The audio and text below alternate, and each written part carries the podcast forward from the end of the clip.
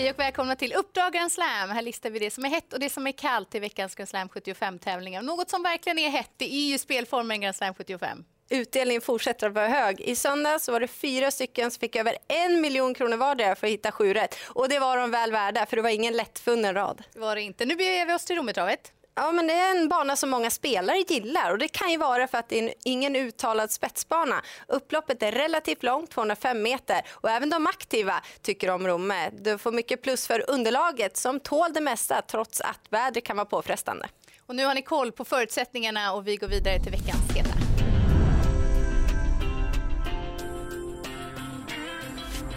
Vi börjar i den fjärde avdelningen med nummer tre, Tarpon Spring, som inte har vunnit lopp hittills i karriären, men han mötte bra hästar under fjolåret och var bland annat duktig tvåa bakom Oaks-vinnaren Bonneville VI. Visade upp bra startsnabbhet då och nu återkommer han som vallack och har fått tre månaders träningsperiod i sig. Uppgiften ser klart intressant ut med bra spår på kort distans. Någon toppform är det inte, men kapaciteten till att duga direkt den finns. Och jag fortsätter på samma spår. För i den femte avdelningen så jagar även nummer 15 Hyndlas Krumelur karriärens första seger. Men jag har gillat det jag har sett i honom på slutet. Han har sett stark ut. Näst senast fick han chansen lite för sent och senast så gick han ett bra upplopp efter att ha fått backa sig loss i sista sväng. Den här gången så blir Andreas Lövdahl i sulken och jag tycker det känns spännande.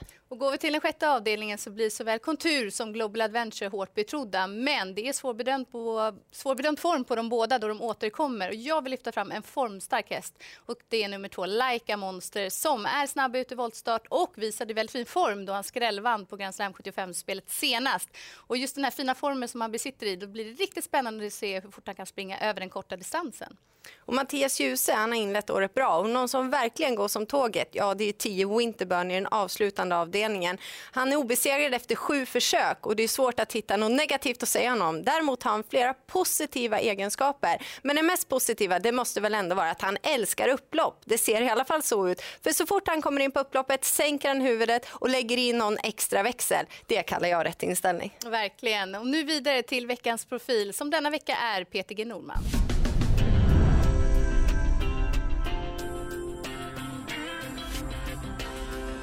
Tre hästar Peter. Avdelning 1. Sex Ida Orlando. Satt fast senast. Startsnabb. Ensam på springspår. Hur känns det? Ja, det är bara upp till mig då. att pricka. Hur känns det? Nej, men det, hon, hon har varit eh, positiv nu tycker jag. Hon har gjort tre lopp efter eh, lång eh, träningsperiod. Hon börjar växa i sin stora kropp nu och orka med sig och nu känns det som att hon kommer börja leverera mer jämt. Då. Så att eh, prickar jag starten så siktar vi på ledningen och då provar vi där den här gången tycker jag. Hur uppåt är du? Ja, han känns bra efter förra loppet och som sagt eh, näst sist var jag diskad men jag var tvåa i mål då och sen sist mycket krafter kvar så att hon, hon är en bra trend på henne. Avdelning 4, 7 Jingra. Eh, fina insatser, fast med sparat senast va? Ja, det vart eh, krafter kvar här på en fin tid. Då. Gick ju på innerspår hela vägen den gången då, men, men han eh, avslutade bra gången innan det som två här på Solvalla. Så att, eh, också lite positivt på honom tycker jag. Uppåt? Ja, han har känts fin efter och eh, nu är spår 7 på 1600 och jag vet inte hur de invändiga är men, men eh, ja, vi kommer prova lite mer offensivt den här gången i alla fall. Vad tycker du om innerspår bakom bilen för Pagan Goy då i sista avdelningen?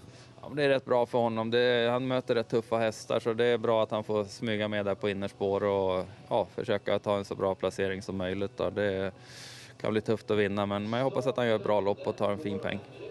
Bästa chansen? Uh, det är Ida Orlando.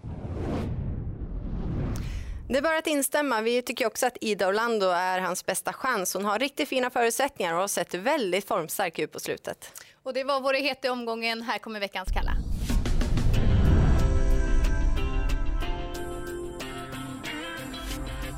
Vi börjar i den andra avdelningen med nummer tre Delenit som bara är fem år gammal och har framtiden för sig. Men på söndag då ser uppgiften tuff ut då han har tjänat klart minst pengar i loppet. Dessutom är kortdistans inte fördelaktigt. Det har blivit fem galopper på sju försök. Och I den tredje avdelningen så har nu nummer ett Donket Closer lopp i kroppen och ett fint utgångsläge. Men på sistone så har matchats över kort distans och det är även där de bästa resultaten har kommit. Nu handlar det om medeldistans vilket känns som ett minus. Dags att summera ihop det viktigaste och vi lyfter fram varsin måstehäst. Jag vet att i den femte avdelningen har favoriten 12 Technopys en bra chans om man går felfritt. Men jag litar inte 100% på honom. Därför hoppas jag att 15 Hundlas Krumelur kan ta karriärens första seger. Och att form slår klass, det vet vi sedan tidigare. Så missa inte två Like Monster i den sjätte avdelningen. Och vi hoppas att trenden håller i sig. Bra utdelning på Grand Slam 75. Så stort lycka till om ni tar chansen på söndag.